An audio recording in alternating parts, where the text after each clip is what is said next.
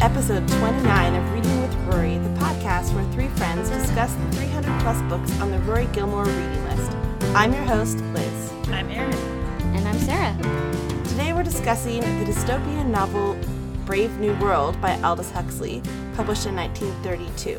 It was surely mentioned or referenced somewhere during Gilmore Girls because it is on our list after all. However, I'm not sure where. I have no idea. So now's your chance to guess. This is coming as a big shock. Erin or Sarah, do you have any guesses where this book would I just play? feel so surprised that we don't have an actual reference for this because I feel like Brave New World is one that, I mean, maybe this was just mentioned as a passing line, but we still would have caught that. I don't know. I'm just surprised that this does not have a reference. Yeah, I, know. Yeah, I mean, maybe it was like a character that they just kind of like threw off the cuff, and I just had, don't had it on my didn't have it on my like- radar to listen for. But yeah, I don't really know. the most like memorable characters that are gonna just pop up in everyday Gilmore Girls patter, but you never like know. Mustafa. So, it could happen. I mean, I don't know. I just don't. It's it's a fun game, so play along. Any guesses? Any guesses? One day, one day we'll bother to reach out to Patrick London and be like, "What gives, man?" I mean, Seriously. Sure. I don't think it was taught in her uh, high school class, so I'm gonna guess maybe at Yale. I don't know. Well, I mean, maybe. I mean, it is a classic, but at the same time, it's also like has some very politically incorrect things in it. So I can see how maybe they wouldn't want to talk about it very much. But still, can't you just see like Lorelai saying something like, "Oh, that's very brave new world of you." Or I mean, yeah, maybe. Or maybe, maybe or there was maybe like an orgy or something. and they referenced it. Yes, the famous Gilmore Girl orgies. Or maybe, hold on. Well, I was going to save this for later. So I listened to the audiobook and um and, and I'm listening to it and I'm like this voice sounds very familiar and like it makes me kind of like creeped out and uncomfortable. So I'm going to play a little snippet and see if you guys recognize uh who who who the reader is. Chapter 2 Mr. Foster was left in the decanting room. The DHC and his students stepped into the nearest lift and were carried up to the fifth floor. Infant nurseries, neo Pavlovian conditioning rooms, announced the notice board. All right, what do you think?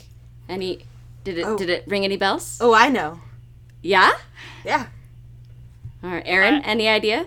Uh This is um, Professor Fleming, Professor Asher Fleming. That is who reads the audiobook. Paris's lover.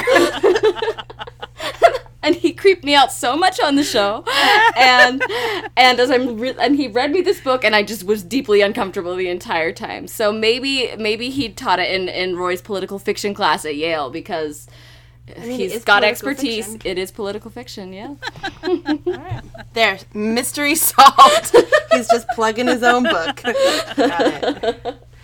But Oh, seriously. I had a really hard time with him being the narrator. His voice, and he does a really good job. He's very talented, and he can do all these different voices and different whatevers. But it was just uncomfortable. It was very. I could just like picture him and was like making out with Paris, and it was so creepy and gross. But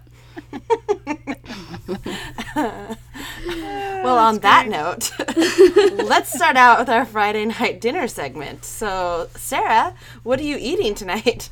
I'm just having a little snack. It's a hot August night, and I'm having a little pomegranate popsicle.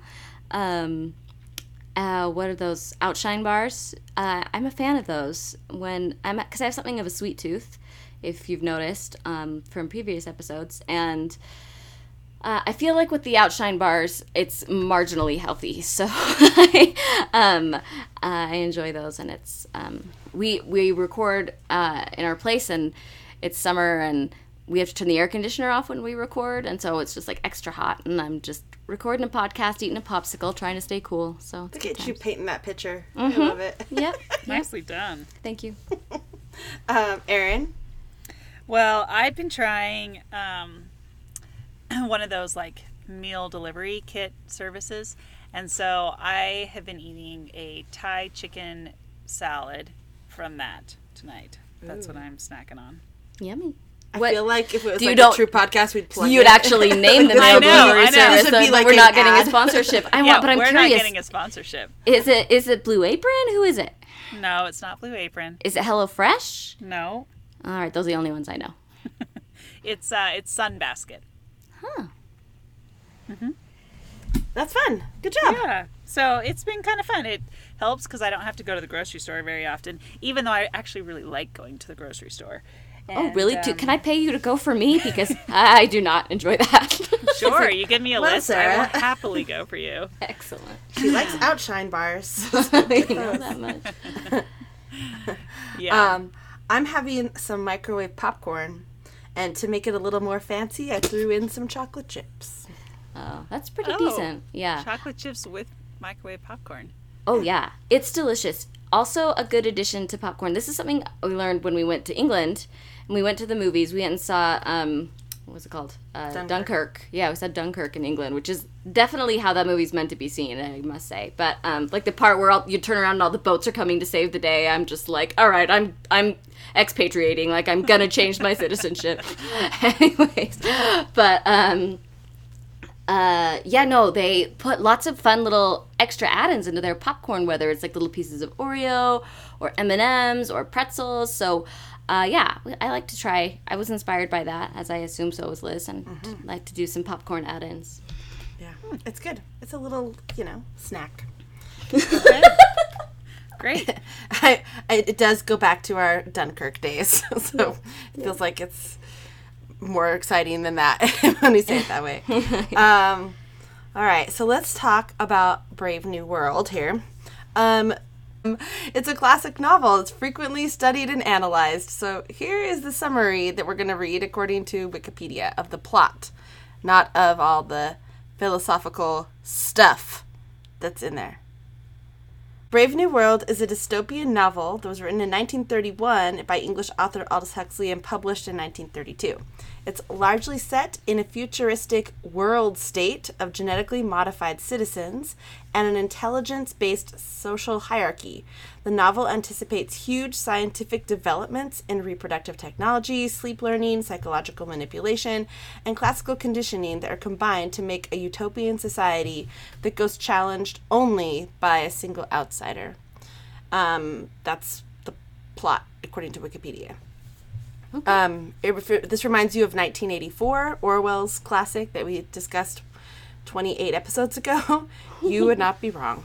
They're often compared and contrasted for their ways of showing the future and depicting the scientific developments and what it has to do with our um, also government and control.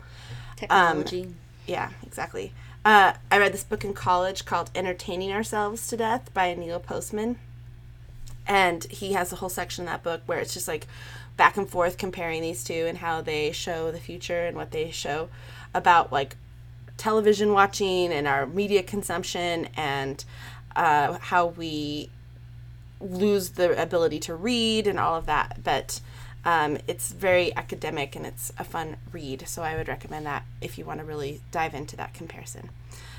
Um, but like some authors before and many, many authors after him, the dystopian setting and satirical tone are reflecting on his views on society. He has a lot to say about what the world is doing around him. So I learned that Huxley used the setting and characters in the science fiction novel to express his widely held opinions, um, particularly about losing individual identity in a fast paced world of the future. Um, he once went to the United States, and that was where he uh, kind of shaped Brave New World. It got a lot of his character from that visit. Um, so I don't know what he saw in the United States, but apparently it was this really. He was outraged by the culture of youth, commercial cheeriness, and sexual promiscuity, and the inward looking nature of many Americans from 1931. So I'd hate to see what he saw now. And he saw the book's principles applied in everything he encountered. Oh, no, he found a book called My Life and Work by Henry Ford. So that plays Yeah, that, big role. I was gonna say, I was like, obviously he's quite taken with all the Ford stuff. Yeah. So he saw that and he saw those principles in that book applied everywhere and he he left San Francisco and was just putting them all together in this book. Uh, there's a essay that's published. I'll put it on the website for reading with Rory, where it says he revisits this, the Brave New World revisited, and it's 30 years after he wrote the book, and he said that the prophecies that he made in 1931 are coming true much sooner than I thought they would. So there it is. It is his societal views, basically, right? It's his way of just making comments. Um, do you want some fun Huxley trivia? Yeah. Always. I did some research. He was a big proponent and user of LSD. So his- Okay. all the Okay. references to All the soma, soma. Yeah. takes Yeah. an interesting turn. Interesting. And he died the same day as the JFK assassination. So Wow. fun facts. um, yeah, so that's kind of some general overviews for it. It really is this dystopian book that came out in the 30s, like really before a lot of the dystopian books that we. Wasn't he pretty influenced by like H.G. Wells? He was kind of playing on like or kind of maybe picking up the baton from him, kind of a deal. Yeah, he was almost like satirizing H.G. Wells, right? Because Okay. H.G. Wells was more of a utopian person. sure. So he's going for a dystopia. Yeah. Um, so this is pretty uh, widely acclaimed. It's uh, on lists and lists of most influential novels. In 1999, the Modern Library ranked Brave New World as number five on the list of 100 best English language novels. Pretty high. Really? That's Higher- really high. higher than I'd give it. But that leads us to Very how we high. felt about the book. So let's jump in. Erin, how how how, how are you your think? thoughts? What are your thoughts on Brave New World? How are your thoughts? well, um, I will say, okay, so I read this. I thought this was much easier to read and much more interesting to read than 1984. I kind of struggled through 1984 a little bit. It's a lot more dry than I felt this one was. Um, Way less sex.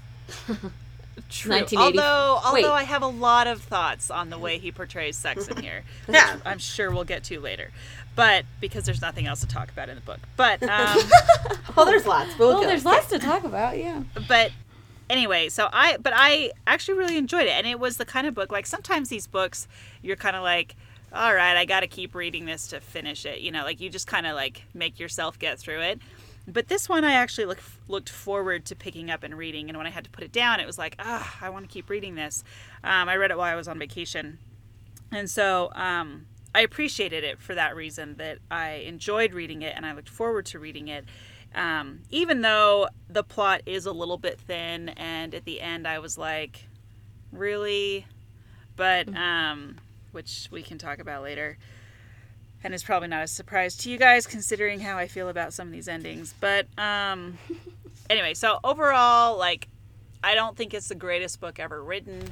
What about Um, number? F- no, it's not number five. It's not. I'm not number five. Although I think some of his foretelling of you know like being careful about um, the influence of technology on human, human humanity and some of the stuff he says I, I do think is interesting and I think we're actually struggling a lot with that in our modern world with like smartphones and technology constantly around us. Anyway, I like yeah, a lot of his ideas are actually like eerily prophetic. I feel like Yeah. they've manifested themselves not in ways that obviously he necessarily predicted, but in th- but are definitely still very much with us. We can get into that later. Yeah. So overall, I would probably give it like I don't know, maybe around a four, maybe like a three point eight. okay. Docket it for the ending. I get it. Sarah, what about you? Um, well, I kind of went on a journey with this one. Um, like I said, I listened to the audiobook um, in an effort to try and maximize my time. Um, and I it was not an enjoyable experience listening to it. Um, not, I think, not just because of the Asher Fleming wrinkle, which was weird, um, but I just, it was an uncomfortable world to like inhabit, and I feel like I would have inhabited it differently and maybe better, mm, for lack of a better term, if I had read it rather than listened to it, because so much of the book is exposition and world building, and you know explaining what like kind of what a day in the life in the of the world state would be like. And so having this kind of uh grandiose narrator like i, I don't know i it was like uh, i just wanted to listen to like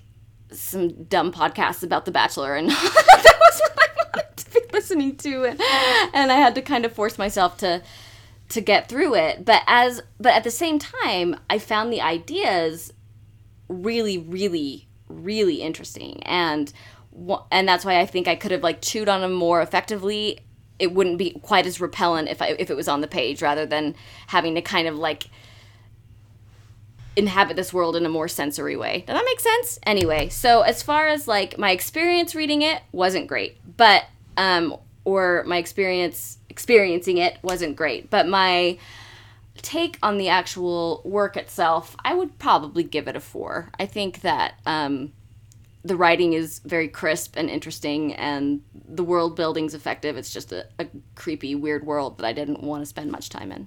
Yeah, I agree with that. Yeah.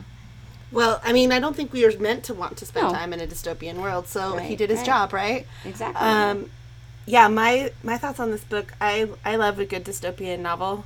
I've learned over over my reading years, um, and it wasn't. I mean, I didn't really love the plot. I didn't think the plot was that great. I wasn't really drawn into the characters. It is just completely the world they build and the, the way that like they can have a character like Mustafa give these pearls of like wisdom or you have the characters who are um, reading Helms Helm Helmholtz or Helmholtz, yeah. yeah yeah, Helmut.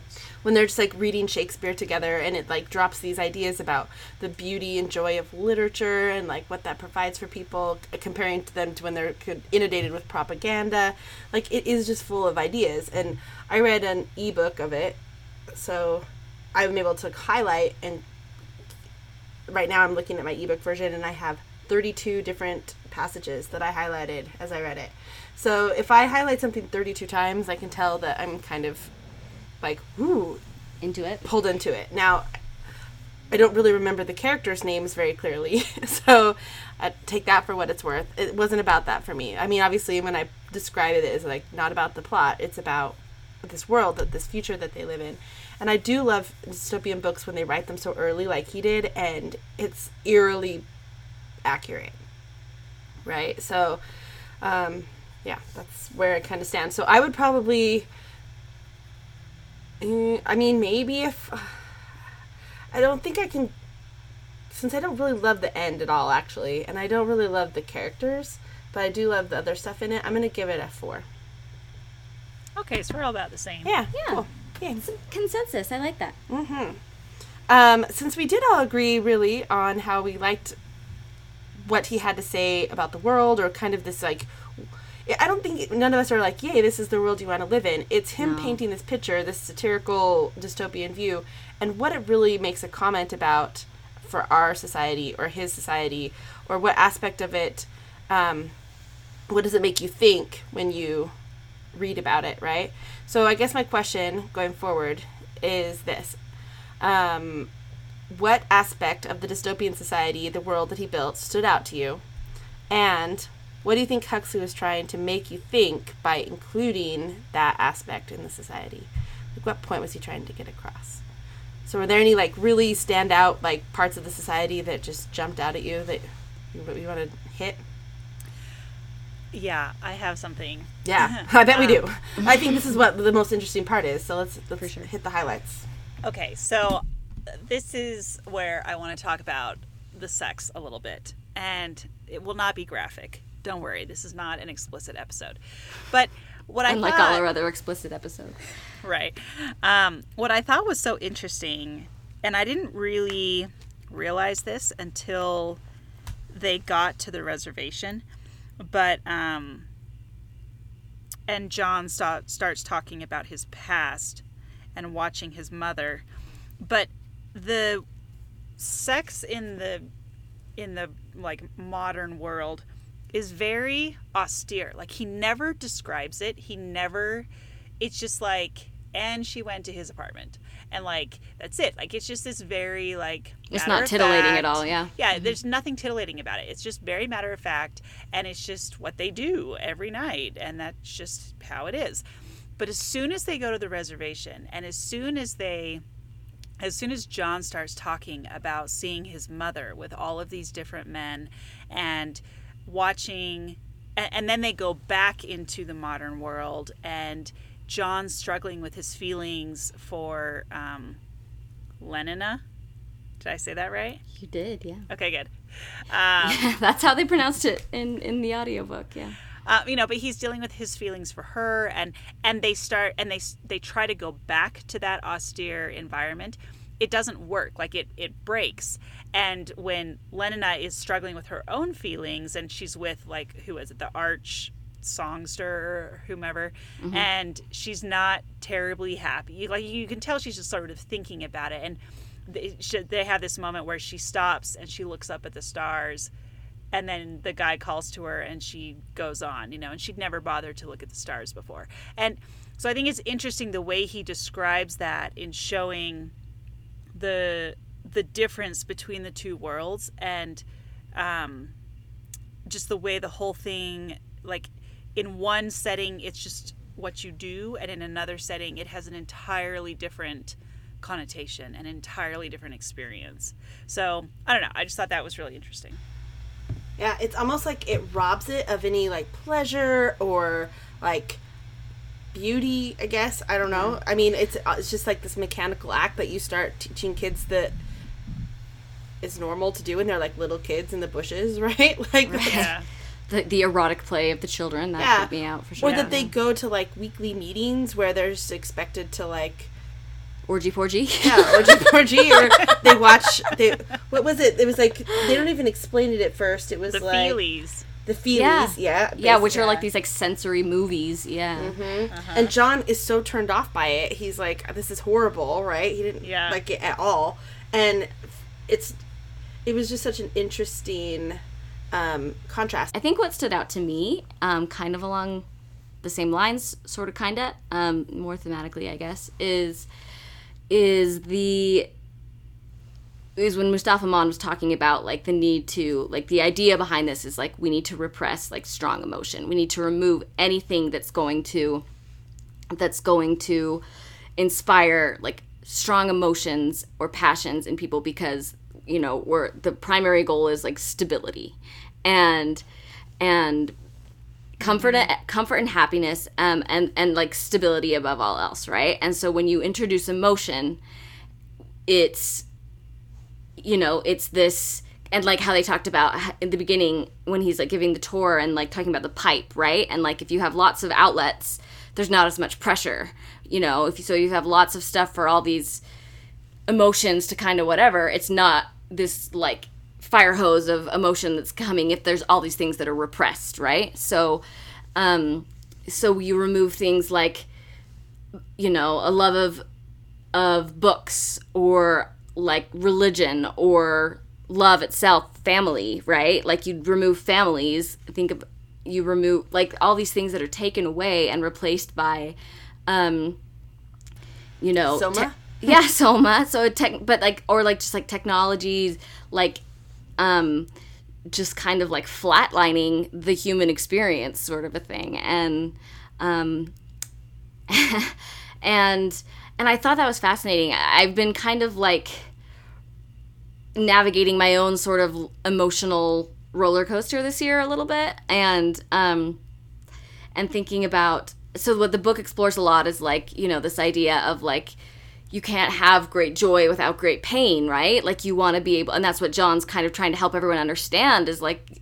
I don't want a life where it's just you know, all all just co- contented comfort. happiness whatever like and and there needs to be you know as as we would say in in lds um stuff like there needs to be opposition in all things and i think that so i think that just stood out to me so much right and like how sometimes momentarily you're just wishing like you could just like be um be content and not have to ride this roller coaster but honestly how like that's like the um, the rich part of a living a life you want those ups and downs because they're gonna they're gonna bring flavor to to existence you know Yeah.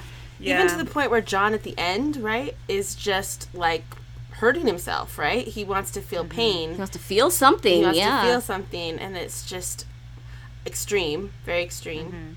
Yeah. Um, but he rejects that notion of of living this, you know, coma induced, comfortable life where you're conditioned to not think about things and be happy and yeah. Well, and I thought that it was interesting that, you know, once they got back from the reservation, that his mother immediately went back on the soma drug and just stayed in a coma induced state for the rest of her life.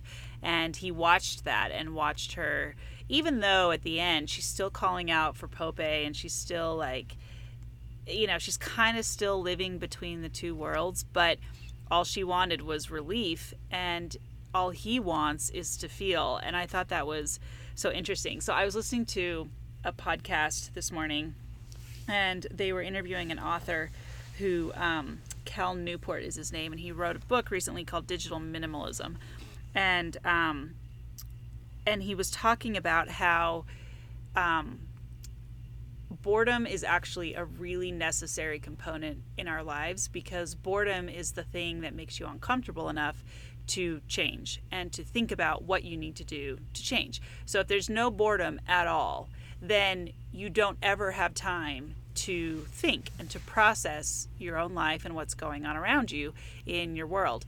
And so Talk um, about entertaining ourselves to death. right, exactly and so he's saying like with all with all the time and he was talking about how like the social media giants kind of drove this state that we're in right now where everyone looks at their phone constantly and he talks about how like they you know like facebook for example went from this environment where they were taking venture capital money and um, everything was about acquiring new users. And so everything went into the acquisition of new members to Facebook.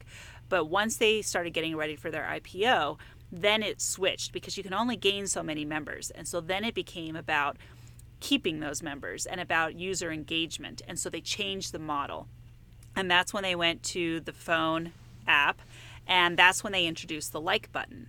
And the like button was meant to get people to engage with the app more often. And there have been rumors about the fact that like they batch likes so they keep you from seeing likes when they show up so that you have to check it more often. Um, and that the way that you pull down on the screen to refresh it is similar to how you pull down on a screen in uh, like a gambling machine and it's that same it's triggering that same motion or part of your brain that makes you think oh what will happen if i if i do this one more time mm-hmm. and so Interesting. like Yeah. the like the refresh of oh my gosh, Yeah. I've never wow. and so it's driving people to sit there and they they go to social media to get a temporary reprieve from boredom but by doing so they're putting themselves in a state where they're just kind of like ignoring the rest of the world with one kind of noise and then going right back to a different kind of noise and there's no time to actually actually process and he was talking about this in the context of like doing like really like deep work and like really getting into your work and accomplishing more out of your time. And so he was saying that a lot of like hedge fund managers are now going back to things like flip phones, um, or they'll carry like two phones or something like that, specifically because they can actually quantify in millions of dollars how much time they, how much money they lose when they spend time on social media. And so they just Wow. completely get rid of it and have times blocked off during the week when it's like, okay, at this time I'm going to spend one hour on Facebook to use it to my advantage and you know keep up with my family or whatever the way it was meant to be but it's not going to rule my life. And i just kind of see some of the similarities in that. Um, and there's there's a section in the foreword where aldous huxley is talking about about this and he says as political and economic freedom diminishes sexual freedom tends compensatingly to increase and the dictator, unless he needs cannon fodder and families with which to colonize empty or conquer terri- territories, will do well to encourage that freedom. In conjunction with the freedom to daydream under the influence of dope and movies and the radio, it will help to reconcile his subjects to the servitude which is their fate. Um, which I thought was terrifying. right and it, it's Yeah. when you read it in a novel like this you're like oh that's scary that is a crazy dystopian world i'd never want to live in and then you're thinking but wait it kind of is familiar, mm-hmm. right? Like it's mm-hmm. not to, to the same extreme, but he's definitely foreseeing things that he wants us to st- sit back and ponder. And weird that he saw it in 1932. You know what I'm saying? Like mm-hmm. before it's even grown to the extent that it has even today. A lot of these issues are still present, or we still think we invented them today, but really they've been around for a while. I don't know which was the two is true. Maybe both.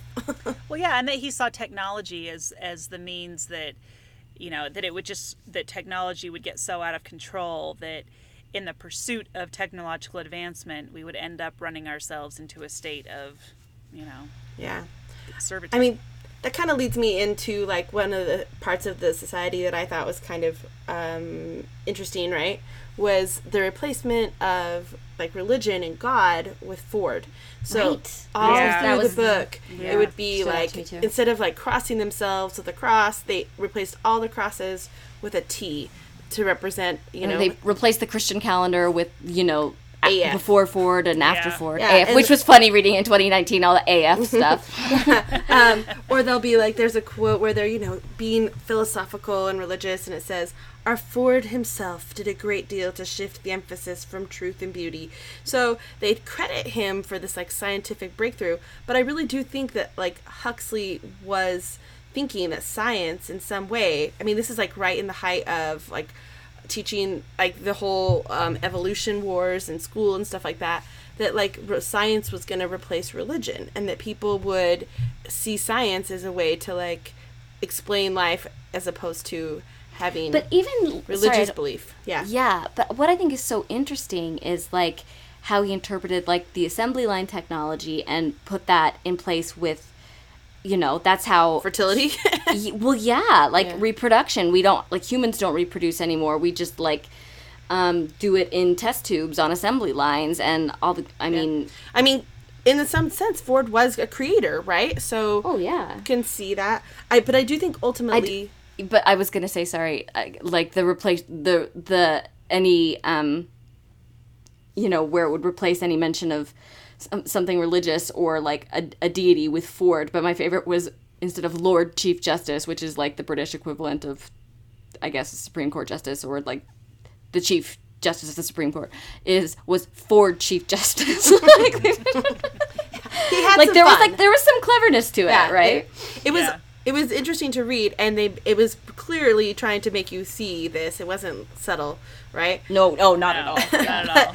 But I did like like, when how- Westminster Abbey is now a like a um a cabaret. Sorry. yeah, I mean, there's lots of there's lots of it in there. Uh, those were the parts I kind of liked, but ultimately at the end, I was gonna say, I think that like the characters who you know are seeking for a different existence, right? Like they are thinking outside of what society. They're shaking off the conditioned ideas that they're being they've been taught. They're doing all the stuff. They still see the need or the they they're secretly believing in God, right? Like they're that's not like or not even secretly, but they haven't shaken that. It's still inherent in society even if you try and condition it out of it. And I saw, you know, these characters like Mustafa or the controller, like the head controllers, other people like that who were powerful and who were like, "Oh yeah, no, I I haven't been taught this. I haven't been controlled, and I still see the need for it, or I still believe in that a little bit, right? So it was. An, I just thought it was an interesting thing that you can't really, um, like one of the characters said, "I don't want comfort. I want God. I want poetry. I want real danger."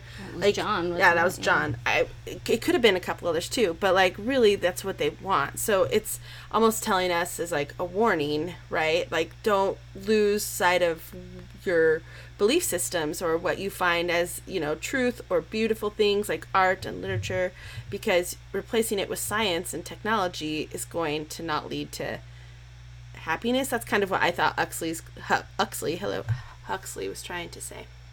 it seems like Christianity or religion of any sort tends to be kind of the big nemesis of these dystopian um, societies. And maybe I'm kind of like, you know, um, interpreting into that a little bit, but um, it just seems like, like you see how um, John deals with his faith versus how everyone else deals with their the whole like Ford thing, like because John, um, he references God and he prays to like all of them, um, but everybody else says Ford, and so when they have them in, when they have John with other people in the same sentence, and they're both invoking the name of whoever they consider sort of the supreme being, it's a very stark contrast.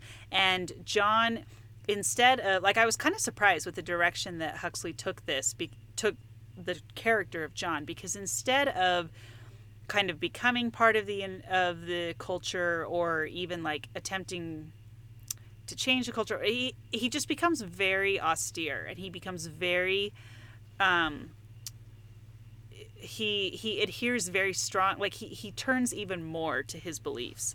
And i just thought that was so interesting and I mean, I can't remember exactly if they talk about religion very much in 1984, but there's clearly an absence of it, right? Like, it's not a part of society. No one's going to church. No one is believing in any sort of supreme being other than what they're just being told by the government. Well, yeah, And so it wasn't really in 1984 because don't they kind of take that out in most communist, like fascist yeah, regimes? well, yeah, like, well, that's that's exactly Or my point, right? totalitarian, mm-hmm. yeah. Yeah, that's exactly my point. Like in China, the same thing happened, right? Right, like no religion whatsoever, and I just think it's interesting that religion is one of the first things to go when those totalitarian regimes come up, and I mm-hmm. think Huxley was trying to address that a little bit in talking about John's approach to life and the pain and the pleasure aspect of it, and the work ethic and all the things he you know because when john's talking about how he wanted to be the guy to run around and get whipped or whatever and in the ceremony and how he he would have had the strength because he he believed in it he was ready for the challenge like and how he would pray and he would sit there in you know almost like he was crucifying himself in a sense like i don't yeah, know it's i like just flagellation. It was well, yeah, and, and yeah, not to mention the flagellation. So I just thought it was an interesting um, juxtaposition, and it made me think about other dystopian stories where there's clearly an absence of religion that generally, I mean, religion, certain organized religion certainly has its problems, but where religion at its core is trying to teach you a better way of living and a better way of autonomous living. And, you know, I also see like a i mean, we don't know how fast this happened, but I see a shift of like society. No one's like taking it away from them necessarily. It's shifted to this worship of Ford, or to this worship of technology, or to this Right. worship of Yeah, like, I think he want just, like, life saw to it be happening easy, naturally and not- science yeah. is going to make my life easy, and uh, religion doesn't, right? So, But the uh, but the state but the state saw saw an interest in making sure that there was no talk of God and there was no Yeah. talk of Christianity. So it was like both a Yeah, little bit. yeah. yeah. even like the archbishop, right? Like they talk about how the archbishop's title has now been changed to the arch songster of whatever. Yeah. Oh, I didn't mention. I I'm so glad. I for whatever, just like the weird names with stuff, right? Where they like are they want to come up with sports and things to keep people like consuming things and um and busy all the time. And what, what was the Centrifugal bumble puppy. Yes, centrifugal bumble puppy. Yeah, that was a good one. centrifugal bumble puppy. I was dying. I love it so much. or the idea that like you can't just play golf. You want to do something that is like Obstacle requires golf. more machinery and more Yeah, buying stuff that, things. that requires yeah buying stuff. And I thought, And what was the phrase that they used? You know, the the get rid of it, throw it out phrase that I can't Oh, I don't know. right. There was like a phrase that, and you know, like Linda would quote Like it, they one of the all. Hypnopedia ones that yeah, they were one of the conditioned with? hypnopedic ones. Yeah, and it was like, you know, oh, I, I Should we talk about mark it. Hypnopedia? yes, I have Yeah, let's thoughts. do it. Okay. Mm-hmm. What are your thoughts? Let's talk about Well, conditioning I- people. Why don't Well, we? yeah, I thought about the ways. What is it? Well, Hypnopedia, right, in the book is where these, um, since again, children aren't raised in families, they're raised, they're they're raised in like essentially laboratories by the state, and they're conditioned to like fit within their little caste system, right? So their their pro their the Hypnopedia was based on like real life, um, scientific stuff, like a real a real thing, um, and like all the like the Pavlovian stuff that was obviously real. Like so it was, and that, all that stuff was coming to, um, like making the news at, at this time, you know, uh, that Huxley was writing, which is so interesting. But the idea of like, yeah, like programming people in their sleep, right? Like let's let's have them play, let's play these messages, and like we'll just get it. uh, we'll we'll program their brains essentially to and it worked. It popped Yeah. in their heads at all these random times, right? Like she, Lenina couldn't like shake it, right? Well, I'm not, I hate I hate gammas or whatever, right? Like she didn't know why. Yeah. She was just everyone belongs to, everyone. or Yeah. a gram a mm-hmm. day or whatever the gram. I, sh- I should have marked all these phrases because I thought they were hilarious. But my thought as far as like the how, you know, how they're conditioning them in the book versus like I think, you know, we're surrounded by these messages now. Are they being programmed into our brains while we sleep? No. Although maybe, I don't know. I mean, that's also possible, but like I even just think like we're just constantly surrounded with information, right? Like just this age of social media and like there's no I, I don't know. I feel like we are conditioned to think certain ways and to react certain ways, and it's by you know the the information we surround ourselves with, or that we can't help but be surrounded by. I mean, I thought that his even like the conditioning, like that's effective. They know how to do this like to a science. Like they have to do this this many times, and then they change the message to a different one, and the kids grow up in those certain ways. Um, but when um, I always forget his name, Helmholtz or Helmholtz. Helmholtz, yeah. His job was to write propaganda messages, either for the conditioning, but I think also just also for adults, right? In whatever they're consuming. Yeah. Like Yeah. he, he wanted to do more. He was really good at it. He was this outsider because he could think in a creative way, and he hated doing what he was doing, and he wanted to do something different. And I love how he was like, oh, the ultimate person from propaganda, Shakespeare. like when he started reading Shakespeare, and he was just like entranced by the words, and he's like, no, this guy's good at his job, right? Like when you when you're when you're deprived of all things like artistic and literature based, and all you have is propaganda, like pretty grim comparison, right? But- yeah. They're conditioned to that too. It's still conditioning them, but don't use for sure. It still happens today, right? Like, yeah. I mean, commercials are just propaganda, right? Sure, sure. Well, they are. Well, and what I thought too was um, was just how utterly effective it was because, eh, like, there were moments when, little bit of a spoiler, you know, when I thought that Lenina was starting to actually like evaluate her world and her surroundings and was starting to think about things a little bit more and she was remembering back to like there's the scene where she's remembering being in the room like she has like a nightmare or something and she's remembering being in the lab room as a kid and hearing the messages um, over the speaker when she wakes up or whatever. And you know the moment when she looks at the stars and the way she's thinking about John and things like that. And so I'm I'm thinking oh like there you know she's starting to snap out of it and she's starting to actually question her surroundings a little bit. But then nope. Like at the end of the book no one not a single person has changed. Even helmholtz changed a little bit. Like he was questioning things a little bit. But not a lot you know like when john is pointing out um, the love between romeo and juliet and helmholtz Yeah. just bursts out laughing Yeah, he doesn't Yeah, even right, understand what that would be like. yeah he, yeah and you know but everyone Why would you be to like, everyone like de- devoted to one person? Yeah. right Like, right That's ridiculous. Like, and that shows how conditioned yeah that society was. That this whole idea. Yeah, I love that point. Good, but Well, and even even uh, Bernard, right? Like he he was unhappy with his environment only because he was because he was a misfit. Accepted. Yeah. Yeah, And yeah. the minute he started to feel included, like he was more than happy to adopt the lifestyle. He was Yep. happy with the life. He was not happy not being included. And so it just it was interesting how people were dissatisfied with certain things And the reasons why they were, yeah. yeah, but not enough to actually make a difference in how they were viewing the world.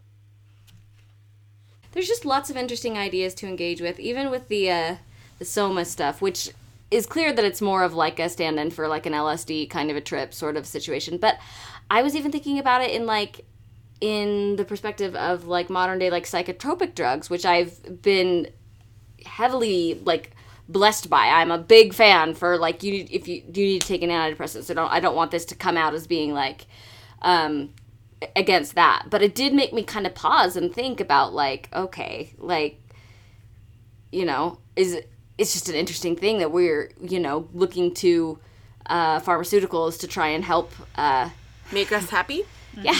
But I mean, it is interesting because it, it does make you pause because there's nothing wrong with wanting to be comfortable and happy, right? Yeah. I- Yeah. I think it's when It's it like replaces the yeah. idea of like you're denying things that are true or denying things that are bad in pursuit of or not even denying like i don't want to read history anymore because that doesn't make me happy or that is uncomfortable for me. So i'm going to ignore the truths that make me uncomfortable and unhappy. Like i think that's a danger. So I think both things have to exist, and this book sort of makes pits those two against each other in a very interesting way. Because Yeah. take your psychotropic drugs, make yourself happy. That's great. Like, you shouldn't do it, but like if you're like unable to feel anything, to like, yeah engage with like Yeah. just even like i like that it was kind of like we don't want people to just like sit and contemplate because that's when they'll start to like decondition or whatever right and like ex- examine really kind of thing we want to keep them busy and entertained at all times and so i don't know i well, think or that, a bit working if you were. It depends on what class you're in. what class you were in, The yeah, yeah. alphas never worked, right? And the gammas did everything. which was so interesting So I mean, we they were could supposed get into that, but I think that's kind of self-explanatory when they, like, you know, create a caste system and society functions on it.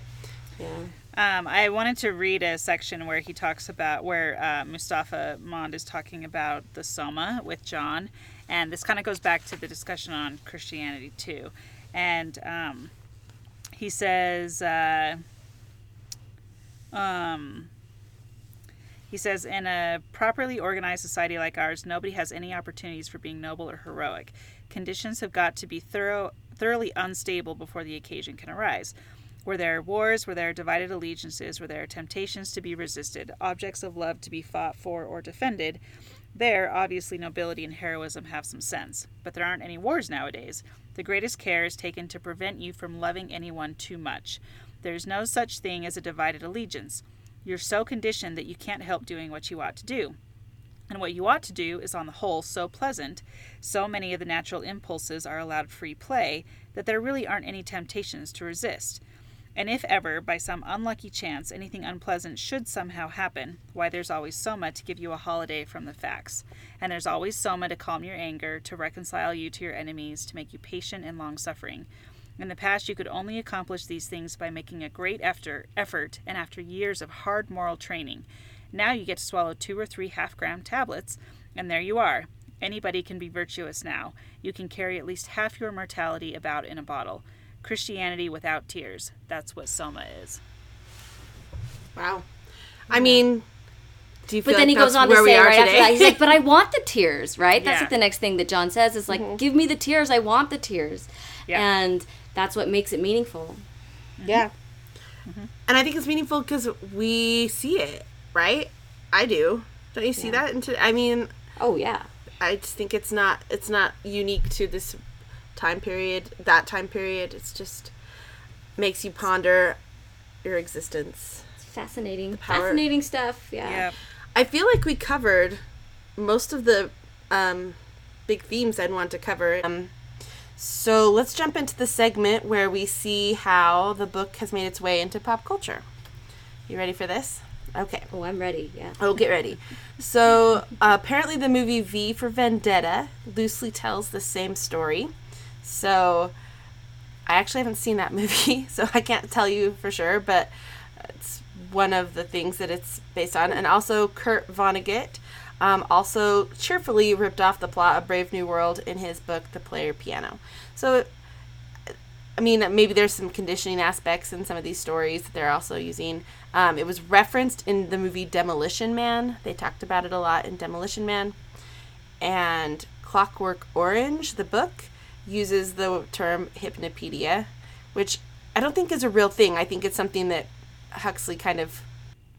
Hypnopedia was yeah made up, but like it was based on the real science of like it was like the first time they tested someone who like memorized something in their sleep, but they didn't have any like comprehension of what it meant, but they could just recite all the words. Yeah. Kind of thing. Yeah. Well, it's just interesting that like he it became so like part of the zeitgeist, I guess, that it was also used in other books and in movies and in other things, like uh, even songs. Actually, these songs are all called Brave New World, so I'm gonna guess that some of them are just referencing The Tempest, which is I was gonna say, yeah. from. Are they re- are they referencing Shakespeare? Or are they referencing yeah, this? some of the because it comes from Tempest, right? It comes from the Tempest. Um, but I think the Motorhead song is referencing about like the future, a dystopian future, and it's called Brave New World. And then there's an Iron Maiden song called Brave New World um, that I know I think is directly linked to this book. And then on Spotify, I found a bunch of songs called Brave New World. One was by Greta Van Fleet. One is from Weezer. One is from a, something someone called Watsky with Chaos Chaos mixed in. I have a hard time thinking that they're referencing Shakespeare. I know, and Huxley. Um, also has a song called Brave New World. So I'm going to put those into a playlist, and you can determine if it's Shakespeare or Huxley or something else altogether that it is all about, right? Because uh, there's there's lots of possibilities here. Um, as far as like f- productions or adaptations, I have seen none. Have you guys seen any? No. No, I tried. I actually tried pretty hard to find the 1998 um, TV movie. The Peter Cannot- Gallagher, Yeah, cannot find it anywhere. Who does Peter Gallagher play? Bernard. Wow. What do you I mean? mean, I he plays think- the da- the dance instructor in Center Stage, Sarah. That's who he plays. Jonathan, yeah. um, all right. Um, I can see, Leonard I can see Nimoy's Bernard with some good, some good um, eyebrows. Yeah. Okay. So that's the yeah. I haven't seen it, but um, there's also a 1980 TV movie, and Lenina, her last name was Disney in it. Lenina Disney. So that's a Yeah, interesting that choice. was weird. um, um, but they're in production of making a TV series because why not? I mean, Handmaid's Tale is going strong, and people like their dystopian Stuff. series. So they're making a production. I think they'll be on USA, um, but it is made by Amblin Entertainment, so Steven Spielberg's company, Oh, cool. and it's gonna star none other than Lady Sybil, Yeah. Jessica Brown Findlay. As Lenina. Okay. so it's Um, gonna. It's not gonna be a movie. It's gonna be a series. yeah, it's a TV Yeah, I think it's a TV series. I do think it's interesting. I could see it being a series. to adapt. Yeah, but Ridley Scott was going to make one, and he said this in 2009. He and Leonardo DiCaprio were in talks to collaborate, and they put the project on hold because Scott said, "I don't know what to do with Brave New World. It's tough." I think Brave New World, in a funny kind of way, was good in 1938 because it had a very interesting revolutionary idea. Don't forget, it came shortly before or after George Orwell, roughly the same time. Not before or after it was like I know. 15 years And it's before George not Orwell. 1938. Scott doesn't know what he's talking about. when Yeah, you reanalyze it, maybe it should stay as a book. I don't know. We tried to get it. Dot dot dot. So I don't know what he's trying to say here, except it's tough. I mean, sure. Is it in the public? tough. Is it in the public domain? I don't know. Erin, you're a lawyer. How does that Oh, stuff I work? don't know. I think it's like don't a, ask hun- me. a hundred years or something. Well, Yeah, a hundred years I don't for like it's been long copyright on a book, but I don't know what the movie domain rights are. yeah. Well, I don't know. Although, um, someone that we well, when we were talking about 1984, though, um, remember David Bowie wanted to do a production of 1984, and he couldn't get rights from um, Orwell's estate. So I wouldn't be surprised if there's still some sort of restrictions on it. But Yeah, uh, yeah. uh, fun fact: it looks like Demi Moore is going to play Linda in the upcoming series. oh, interesting. That's John's mother. Yeah. Um, you know what? This isn't necessarily related to pop culture stuff, but it occurred to me we didn't mention it because I read somewhere that Orwell thought that Huxley ripped it off, that he didn't write it himself. Like Orwell, as much as he was influenced by it, he like essentially accused him of plagiarism. All right. Well, that's Did a you little read- bit of a pot and kettle situation. I know. Did you? uh Did you? No, but not plagiarizing him, plagiarizing somebody else. well, right, Uh, but yeah, like it's clear that Well, it Orwell was kind of based heavily on something else. So yeah. But like Orwell didn't have great feelings, good feelings for Huxley, and I thought it was interesting given how like heavily influenced by it he was. it's weird they're not Yeah. BFFs. We'd think that they would be. anyway. Um, Well, they were contemporaries, and they're both British, and I don't know. I yeah, would no, think as I'm saying, just you'd think they'd get kind- along I'd, and I'd be curious and to like explore that relationship. You know. Also, why are the great classic dystopian novels written by British authors? they're not. I There's maybe other ones. Just the two that we've read. I know they're not only written by British authors, but I feel like the only two we've really discussed have been written by British authors. Yeah. so far. So far, there's. I feel like that they were kind of ahead of their time, Yeah. and then there's been a bunch. So I So was so excited to get to Ray Bradbury. Like, Oh, that's true. I- oh, good point. Good point. Ray Bradbury. I forgot about Ray Bradbury. I can't even like wait. That's what I'm inspired to do. Um, so let's talk about that. um, what were we inspired to do once we finished the book, Erin? Well, this was less a result of the book and more a result of the podcast I was listening to today. But I deleted this. I deleted all the social media apps off my phone today. And Hey. it's been weird because I keep reaching for my phone and I have nothing to do with it. So, um, so I just kind of sit there and look at it. And uh, but it's like it's like that episode of Parks and Rec where they take away Tom's phone and he like makes a like a cardboard phone. yeah, Don't be afraid like to that. feel your pain, Erin. You can do it. well, it's all about retraining yourself, right? Yeah. Like, so instead, I'm of course I'm spending time on like, you know, dating apps, which is probably not any better than being on No, Instagram. no, but, no. um, that's I think it's worse. Sorry, Anyway. you caught me at the wrong. Or moment for better. Continue. do your thing. anyway, but um, but that's kind of my thing. I want to get to a point, and I've been thinking about this for a while, actually. Like, you know, Brave New World brought it, kind of brought it to the surface again, and then the podcast today really kind of cemented it. But I just spend so much time like watching Netflix or looking at Instagram or looking at Facebook because I just don't know what else to do with myself in the moment when I have a spare second. And I don't want that. I want to get rid of that habit so that I actually have time to do the things I really actually want to do with my life.